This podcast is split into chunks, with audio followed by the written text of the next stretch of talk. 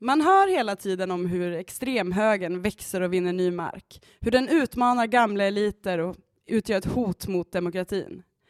Men vad som däremot inte uppmärksammas lika mycket är de nya demokrati och vänsterrörelser som har vuxit fram i Europa.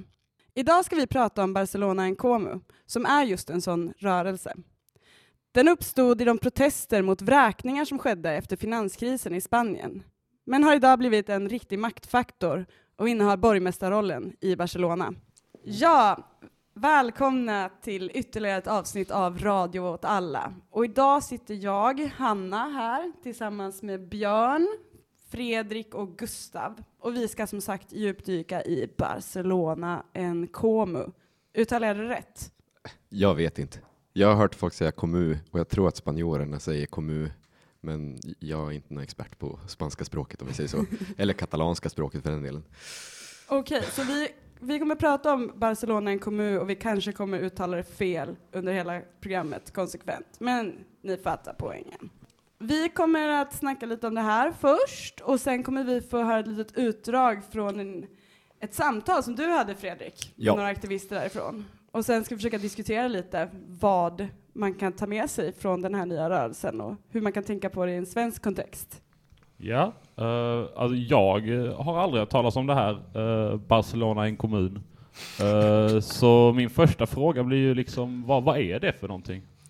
Barcelona är en kommun är vad de kallar en medborgarplattform som uppstod i, som du sa i, i introduktionen, som uppstod i svallvågorna efter finanskrascherna och bostadskrisen eh, 2008 till 2011 ungefär. Så var det stora, stora torgockupationer 2011 i de flesta stora städer i Spanien. Inte minst Barcelona, men även Madrid och liknande städer. Eh, och det var en så här rörelse som liksom hade ett gigantiskt krav som var att eh, politikerna och makten representerar inte oss. Vi behöver något fundamentalt annat så de hade en extremt liksom, konfliktfylld relation till makten från starten. De hade kravet med sig avgå alla väldigt tydligt. Och sen utifrån det så formulerades det vad de kallar positiva krav som inte är eh, negationer eh, eller så motsägningar till den existerande makten utan snarare är så vilken form av makt vill vi bygga istället? Och det är en slags deltagande demokratisk makt som utgår ifrån municipalism som alltså är eh, ett projekt att förflytta makt Betyder. Betyder det inte kommun på engelska?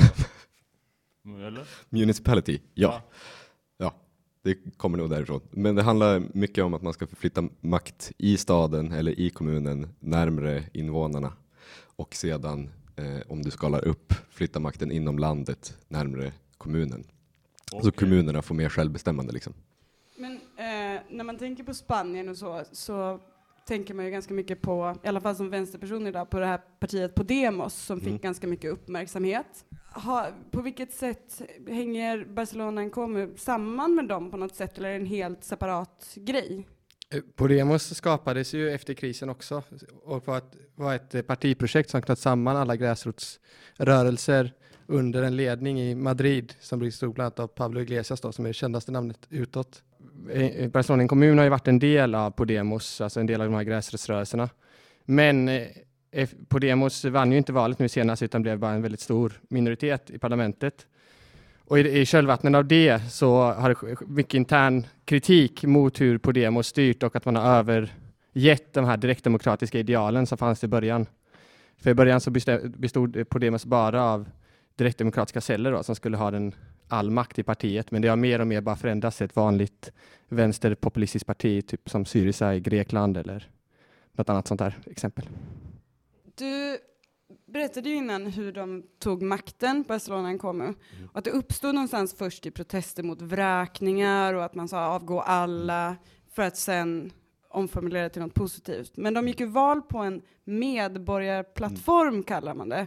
Eh, skulle du inte kunna berätta lite vad det är för något, för någon som inte vet vad det är egentligen? Men det de gjorde var att de utifrån massa olika rörelser, bland annat PAH som är den stora antivräkningsrörelsen, eh, därifrån Ada Colau som nu är borgmästare i Barcelona kommer, väldigt aktiv aktivist i PAH. Eh, så utifrån sådana rörelser med väldigt konkreta vardagliga praktiker mot väldigt konkreta Eh, kamper, eller inom väldigt konkreta kamper, så gjorde man vad Barcelona kommer kalla en konfluens. att, att så här, olika rörelser möttes och eh, formulerade en plattform gemensamt som de sen tog ut på gatorna och pratade med folk om och fick då 30 000 signaturer ganska fort på folk som ställde upp på denna plattformen och sedan gick de till val på den med, ja, så vitt jag vet så får vem som helst ställa upp till val inom Barcelona Encomo ifrån dessa rörelserna. Skillnaden mellan medborgarplattform och parti? Ingen aning egentligen. Men det låter ju som att ett parti så går man till val på ett fastslaget partiprogram, men det här är någonting som alla väljare är mycket mer involverade Ja, i och att det går närmare ah, Ja. kvarter, arbetsplatser, alltså närmare där folket Mm. är någonstans. Precis. Ja. Ja, folket. men, men, Ja, vad man nu ska kalla det. ja, men det har ju funnits en demokratisk process kring det hela, vilket är det intressanta. För, för människors så här, vardagliga behov har plötsligt ställts i centrum. Men som, som jag förstod det så har det liksom varit någon eh, kommunval också och så. Och, Mhm. och eh, det gick väldigt bra för Barcelona, en kommun då. Mm. Och man tog plats i kommunfullmäktige. Och man var, blev också till och med största parti va? Eh, ja, de har 11 av 49 platser. Ja, okej. det, och funkar det så att då, blir, då får man plats som borgmästare helt enkelt? Och det har de, så nu, vad har hänt med det liksom? Vad, vad har de gjort sedan de kom till makten i Barcelona då? Det spännande är att de här demokratiska processerna som ledde till den här plattformen har ju sedan då byggts vidare från att vara att, att de eh, formulerade krav och en plattform ihop demokratiskt så har det istället blivit att man eh, demokratiskt i praktiken kan styra hur det ska gå i den här jävla stan. Liksom. Så de, de här kvartersråden som eh, etablerades för att, utifrån dessa rörelserna har sedan eh, blivit beständiga institutioner som nu faktiskt har makt över staden. För alla beslut går från botten och upp eh, snarare än utifrån det här partiprogrammet som vi pratade om innan. Så i praktiken så har liksom vardagliga behov för Barcelonas invånare fått extremt mycket mer utrymme i eh, kommunala politiken. Men f- har du något exempel på något sånt här? Ja. Eh, Barcelona är exempelvis en stad med extremt mycket turism. Eh, Ja. så ofantligt mycket turism. Eh, så Många sådana skatehasch eh, weekends där liksom. Ja, precis. Men så centrum är ju typ omöjligt att ta sig in i om man inte är turist. Liksom. Vilket betyder att stora, stora delar av staden är liksom avskurna för Barcelonas invånare. Mhm. Eh, så Barcelona Encom har länge jobbat med att hantera det här på olika sätt. Så de har hamnat i väldigt mycket konflikter med så här, hotell, eh, eh, och sånt. Och de har gjort det jättesvårt att eh, hyra ut Airbnb-lägenheter och sånt.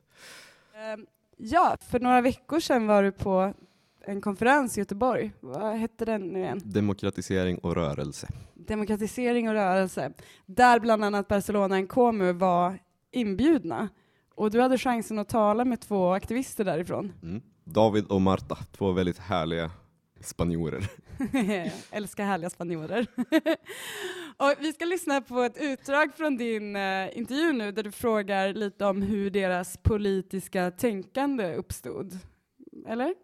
Jo, eh, och hur deras politiska kommunikation och deras politiska praktik hänger samman. Precis, vi tar och lyssnar på det.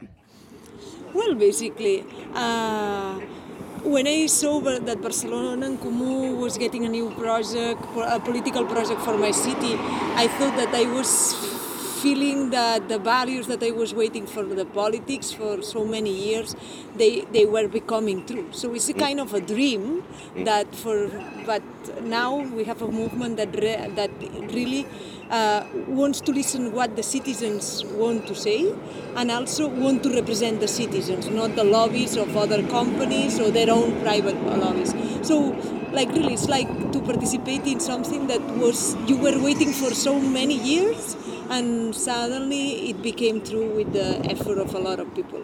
That's the reason that I decided to to join them because for me, as I said, it's kind of a daily, everyday inspiration, and it's like a dream become true. And David? It's. I mean, my motivations are pretty much uh, similar to those to those of Marta. Uh, you know, it's 2015. Uh, the, after, and, and the municipal elections come, and you know, surprise, uh, Barcelona and Comú gets into the municipality, and they've got a golden opportunity to start a new age of politics, that, you know, that they are actually co-produced by the citizens. So it was like a real call of action for Yeah. uh, Marta and I and many, and many, and many like us.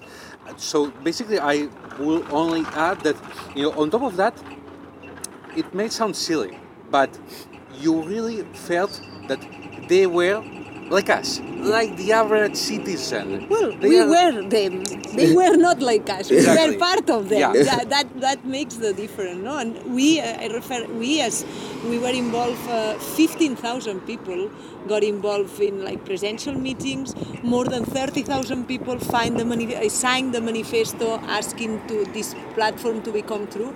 So finally, the citizens were put it in the center of the of the politics. That it's something that we have been demanding for a long, long time ago. but it's uh, uh, basically it's about uh, you know practices and uh, being in touch with the everyday struggles of uh, grassroots organi- organizations that you know that they, they are like mm, uh, really in touch with the suffering of um, the average citizen. Again, that's uh, the example of the Plataforma de Factores por la Hipoteca, the anti-evictions platform, is absolutely clear. They were common people affected by a common, basic, really uh, tangible struggle, which is we need housing, and uh, they built on that. Uh, so, you know, the more and more and more that you saw that this was uh, uh, that this actually succeeded, the more and more and more that you could uh, build a new vocabulary based on that sort of concrete issues. on, on that term, no, I think that as as we wanted and we were like a movement of uh, we were a movement of citizens. What we tried to understand is why citizens were not feeling attracted by the current left parties that exist. And basically because they were not talking about the same to- topics that they are worried about. What happened today? What, what's one of the main uh, uh, worriness that the citizens of Barcelona we are having? One of them is housing. And this affects me. Like I arrive uh, after I arrive in Barcelona, I try to change my flat, and they are asking me three, 300 euros more of one year ago. So the prices are going so so high, and this affects me. And this is one of the topics that Barcelona en Comú was talking about. Det som de säger här är i princip att deras politiska idéer och deras politiska språk på något sätt är förankrat i vad de gör. I det här fallet talar han om rätten till bostadskamper och så. Vad, vad tänker ni om det? I Sverige är ju vänstern ganska van vid att hålla fast vid vissa begrepp. Um, här gör de ju någonting annat lite grann. Jo, men det är, det är en jätteintressant utveckling som påminner rätt mycket om hur vi i, i eh, allt och alla Sverige har förändrats också, att vi har gått mer och mer från, från att kanske prata ett eh, vänsterpolitiskt språk till att omformulera oss till att prata mer så här, lokala, nära frågor. Och det har också påverkat vår eh, politiska praktik i den bemärkelsen att många frågor är kodade på ett annat sätt än vad det var innan. Istället för att prata om till exempel arbetarklassens enande på klassgrund så kanske vi pratar om boende i Malmö eller eh, försöker få reda på vad eh, den gruppen vi vill ha med oss faktiskt tycker och tänker genom olika former av undersökningspraktiker där vi snarare än att vi kommer med ett religiöst budskap vill, eh, vill på något sätt eh, förändras med de vi ska förändra samhället med.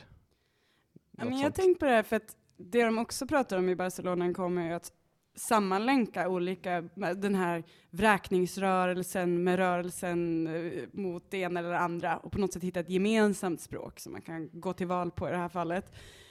Men det kan ju vara det som är lite problematiska ibland när man släpper på eh, stora begrepp som arbetarklassen som ändå fångar upp ganska många och börjar i det lokala. Finns det begränsningar med det också?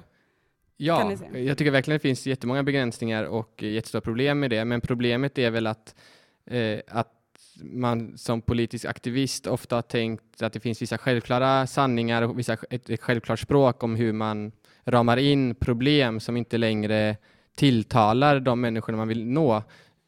Det finns ju fortfarande en arbetarklass, det- kapitalismen är ungefär densamma, utsugningen ser ut som den alltid har gjort i princip, men de begreppen som var de stora rörelserna på 1900-talet, liberalismen, socialdemokratin och sådär, och de grupperna de mobiliserade utifrån de begreppen, det har förändrats så pass mycket så man känner inte igen sig längre i till exempel om man kollar på undersökningar kring hur folk eh, et, eh, etikera sig själva så är det så himla många som snarare säger att de är medelklass än arbetarklass. Även ifall man, man ska utgå från ett strikt marxistisk terminologi så skulle de ju vara arbetarklass men själva ser sig alltså som medelklass.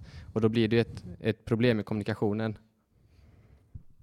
Jag tycker det är väldigt spännande för det, finns, det säger extremt mycket om hur man kan hantera sådana här frågor.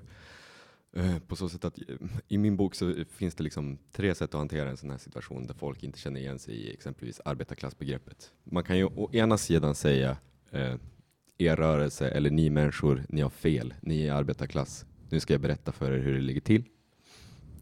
Eller, ja, okej, två, två sätt. Jag sa tre, jag sa fel. Eh, och det andra sättet är ju att helt enkelt lyssna och bara acceptera läget och göra någonting utifrån det för eh, exempelvis Barcelona kommer ju i en rörelse som formulerat sig utifrån ett demokratikrav snarare än någon slags klassubjekt. Eh, och det går ju att vara jättekritisk mot och säga ja, jävla sossar. Men det jag tycker är mer relevant är att bara låta det leda sin lilla väg och se vart det leder.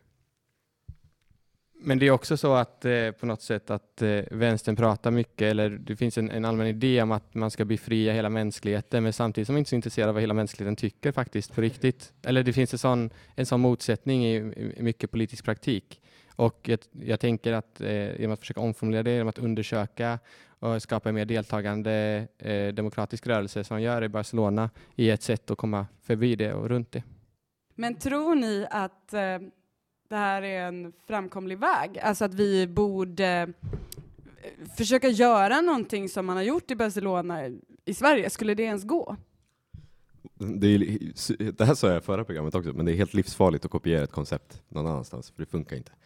Eh, och det jag tror vi att, att vi kan spegla oss mer i än Barcelona Nkomo idag i Sverige är inte Barcelona Nkomo som sagt, utan det är snarare rörelserna som ledde dit och liksom de undersökande processer som ledde dit, de eh, liksom konflikter som ledde dit. Och jag tänker mig att exempelvis Allt åt alla, vi borde inte starta Barcelona, så här, Malmö NKMU, utan vi borde snarare kanske titta på PAH, alltså antivräkningsrörelsen, eh, istället.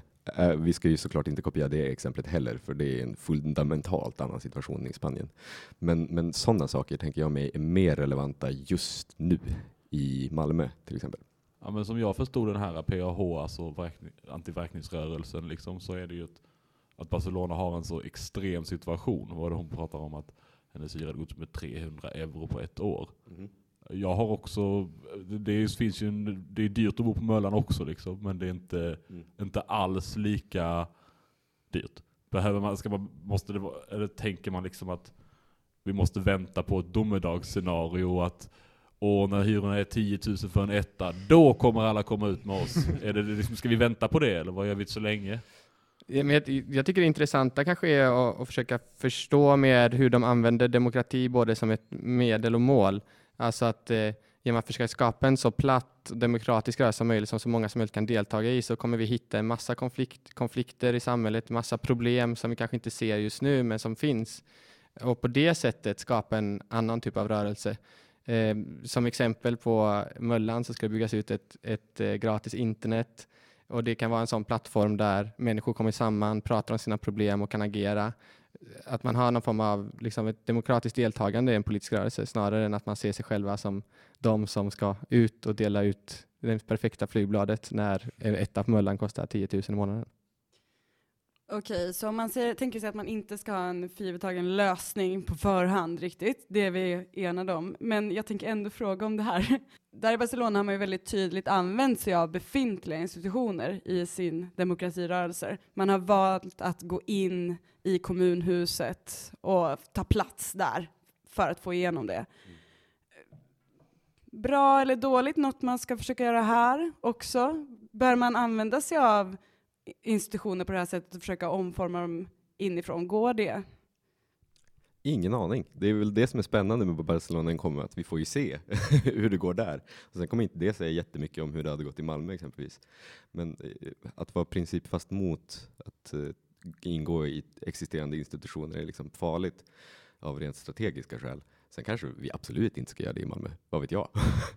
Gustav ser skeptisk ut. Ja, jag är väldigt skeptisk. Jag tycker man ska vara väldigt eh, restriktiv till att delta i, i eh, bestående institutioner just för att man har sett så himla många olika projekt som har försökt gå den resan. Vi har till exempel Miljöpartiet som hade jätteradikala krav på en plattare demokrati, medborgarlön och idag sitter mest bara och försöker hantera socialdemokratins högervridning och rösta ja i alla frågor. Så jag tycker man snarare ska inte göra, bygga, eh, försöka gå igenom bestående institutioner utan snarare skapa egna. Fast det, det, nu, nu kan vi bråka lite, eh, för, det, för det där håller inte jag riktigt med om. För det de gör i Barcelona är ju att de bygger upp sina egna institutioner, kvartersråden eh, som eh, demokratiskt styr Barcelona en Como. Och sen ingår de i existerande existo, eh, eh, institutioner och därifrån förflyttas då makten till de institutioner de själva skapat. Jag skulle verkligen inte säga att det är en motsättning. Det, men det är ju bara ett sånt klassiskt exempel på att man skapar en, det som kallas en dubbelmakt i samhället, alltså att man skapar alternativa eh, institutioner, säger vi att det är alltså kommunala instanser, eh, instanser som tar hand om medborgarens rättigheter på olika sätt. Och på det sättet blir det en maktfaktor, men det är inte samma sak som att skapa ett lokalt direktdemokratiskt parti och ställa upp i ett svenskt val.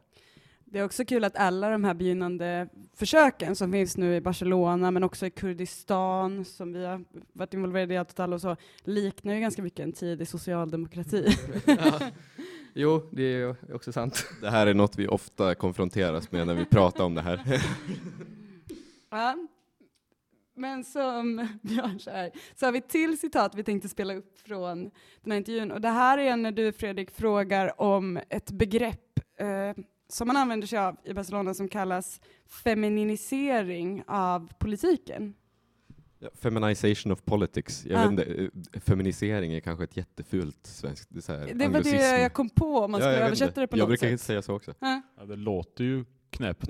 Men om vi lyssnar på det här nu så kanske vi kan få reda på varför det inte är knäppt. Feminist, eh, uh, feminization of politics basically uh, talks or radicalizes in three main issues. Okay, I'm going to start by the end, but it's a change of, of speech. What we find sometimes when we go to the left movements or left parties that are more radical, what we found that is the a dynamic of a strong men giving confrontation against the common society and against the world. No?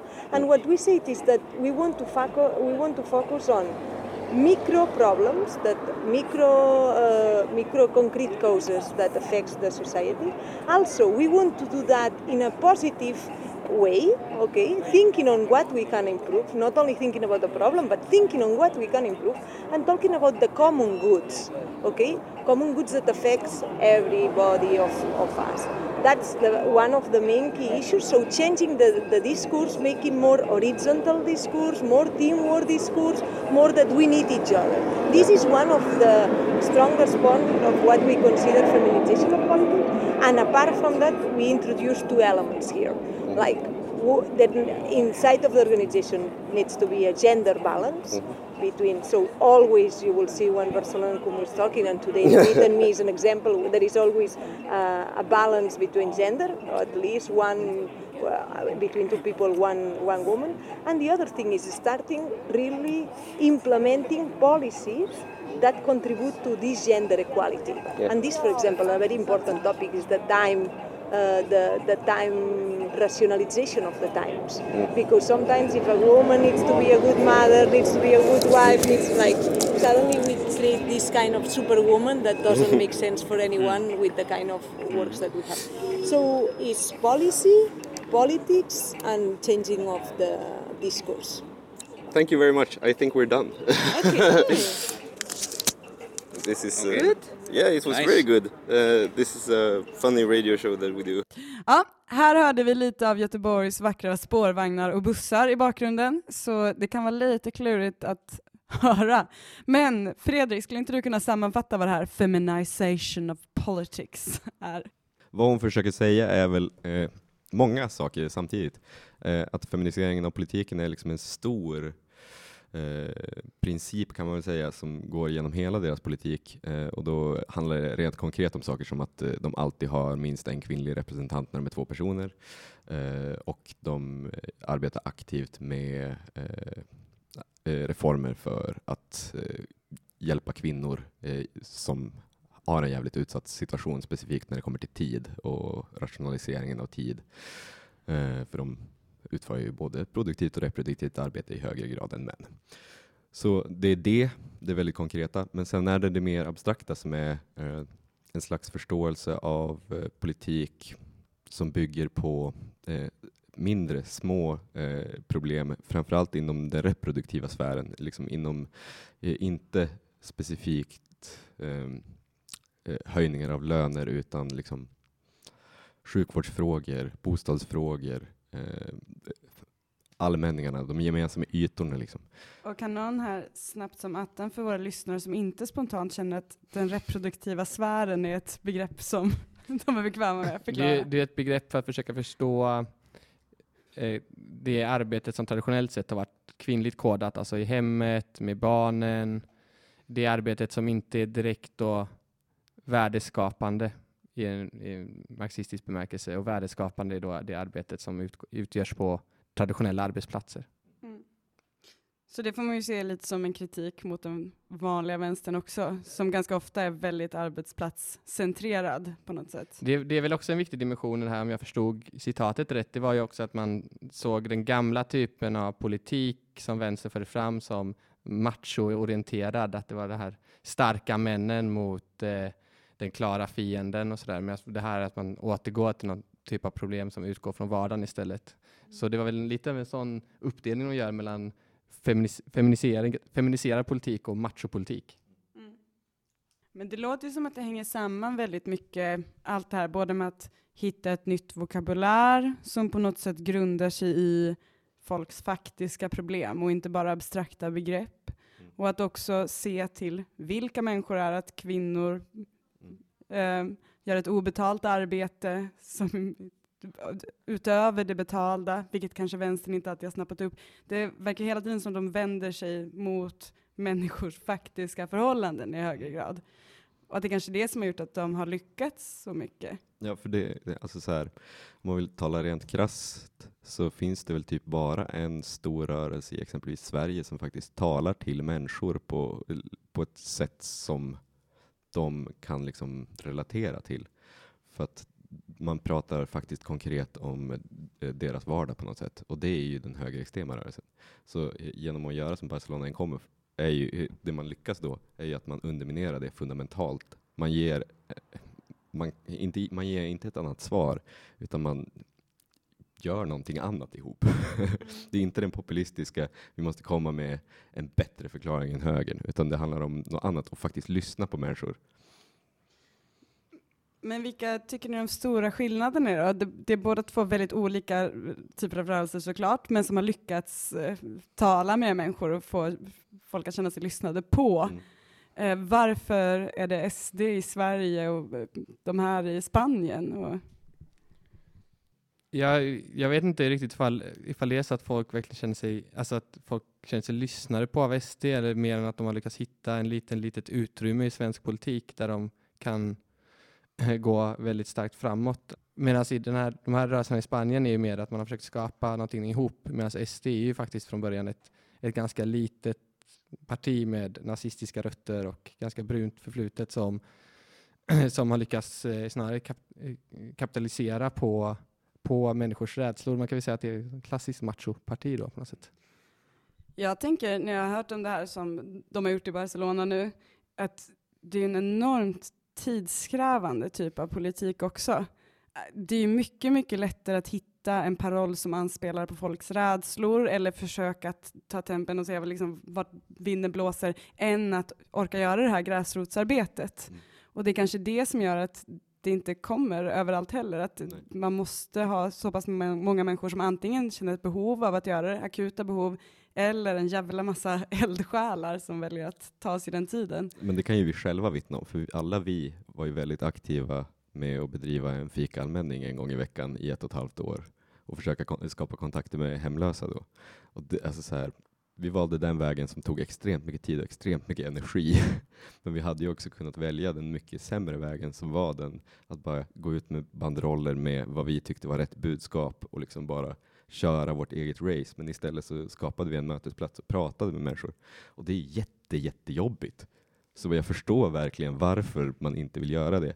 För det är också socialt väldigt konstigt att komma så här som eh, vänstermänniska och, eh, och bara acceptera att man inte har alla svar utan försöka hitta svar tillsammans. Det är väldigt onaturligt om man kommer från den tradition vi kommer från. Men det har varit extremt givande och när jag pratat med dem från Barcelona NKOM så har de också varit så, ja, vi har ju förändrats som människor genom det här. Liksom. Mm. Ja, det är det som är lite lustigt också när man pratar om eh, till exempel att man förändras som människa så genom att lyssna på människor. Det är ganska sjukt att man då har tillhört en, en, en politisk grupp som inte har lyssnat på människor. Mm. Det är nog väldigt många politiska grupper som inte lyssnar så mycket på människor, tänker jag, de allra flesta. Och det kanske är just det som är problemet, att det finns stora demokratiproblem idag i nästan alla länder. Om man, om man, Alltså inte bara lyssnandet, det har ju väldigt materiella faktorer också till sig men om såklart. man vill dra, dra det till sin spets så kan man också fundera på vad det lyssnandet kan leda till om man tänker på att det finns väldigt många till exempel som vill ha just nu, som vill ha en starkare eh, repressiv polisiär makt. Alltså det är ganska många i Sverige som vill minska invandringen. Ska man, jag tänker bara spontant så här, vart, vart går den gränsen liksom? Vart, går vart tar lyssnandet slut och vart börjar vår ideologi? Ja, av, av vad jag kunnat döma nu efter att ha pratat mer om, vi fortsätter på exemplet från Barcelona, så är det ju också en rörelse som kom av att man ville att alla politiker skulle avgå och få resurser till de som lever i staden. Så det har ju en tydlig vänsteragenda i botten. Jag tänker att man inte väljer att tumma på de sakerna, men sen hur kraven utformas, hur man väljer att det demokratiska deltagandet ska se ut, det är saker man lyssnar på och samtalar sig fram genom. Och det kanske är det som är skillnaden. Men inte att man bara ger vika för vilka populistiska krav som helst heller med det. Vad tror ni? Ja, jo, det är nog så. Tack så jättemycket för det här samtalet. Tack själv. Jag har lärt mig Tack. jättemycket av att prata. Eh, jag tänkte också bara säga att alla som vill, alla som lyssnar på det här och som känner att vi vill prata om något, eller som kanske själva vill spela in ett inslag, eller ha någon soft-intervju eller något inslag på G, skicka in förslag, ljudklipp till oss, eller hör av er om ni vill komma och vara med under en inspelning och testa på. Tills nästa gång då. Ha det bra!